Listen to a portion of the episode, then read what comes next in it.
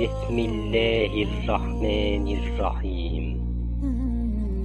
يحبهم ويحبونه. التكبر والعظمة لا تليق إلا بالكبير سبحانه وتعالى. إنما العبد على الجانب الآخر صفته التذلل والخشوع والاستسلام لرب العالمين. وإذا تكبر العبد قسمه الله إن عاجلا أو آجلا. أنا عاوزك تسمع وتركز في الآيات اللي ربنا سبحانه وتعالى بيتوعد فيها المتكبرين. اسمع.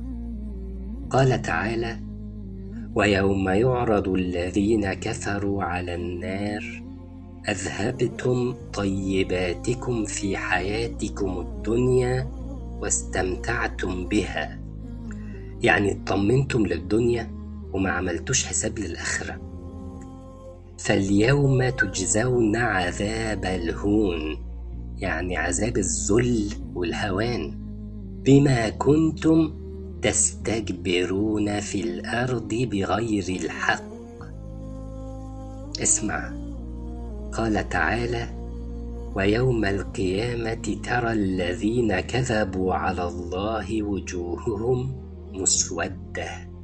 كل واحد ادعى على ربنا سبحانه وتعالى ما ليس فيه.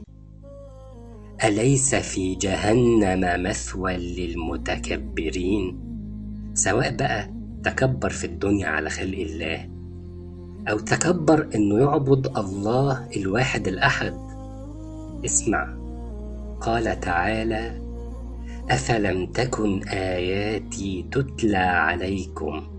فاستكبرتم وكنتم قوما مجرمين. شايف الوعيد عامل إزاي؟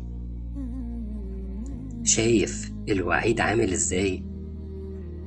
أصل أول واحد هلك بتكبره كان إبليس عليه لعنة الله. اسمع. وإذ قلنا للملائكة اسجدوا لآدم فسجدوا إلا إبليس. أبى واستكبر وكان من الكافرين.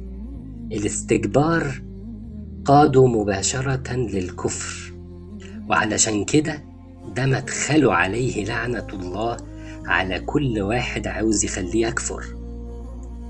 أصل الكبر يخليك شايف نفسك أعلم واحد وأفقه واحد فتترفع عن العلم وترفض تسمع لغيرك أو تاخد منه نصيحة حتى لو كان فيها مصلحتك.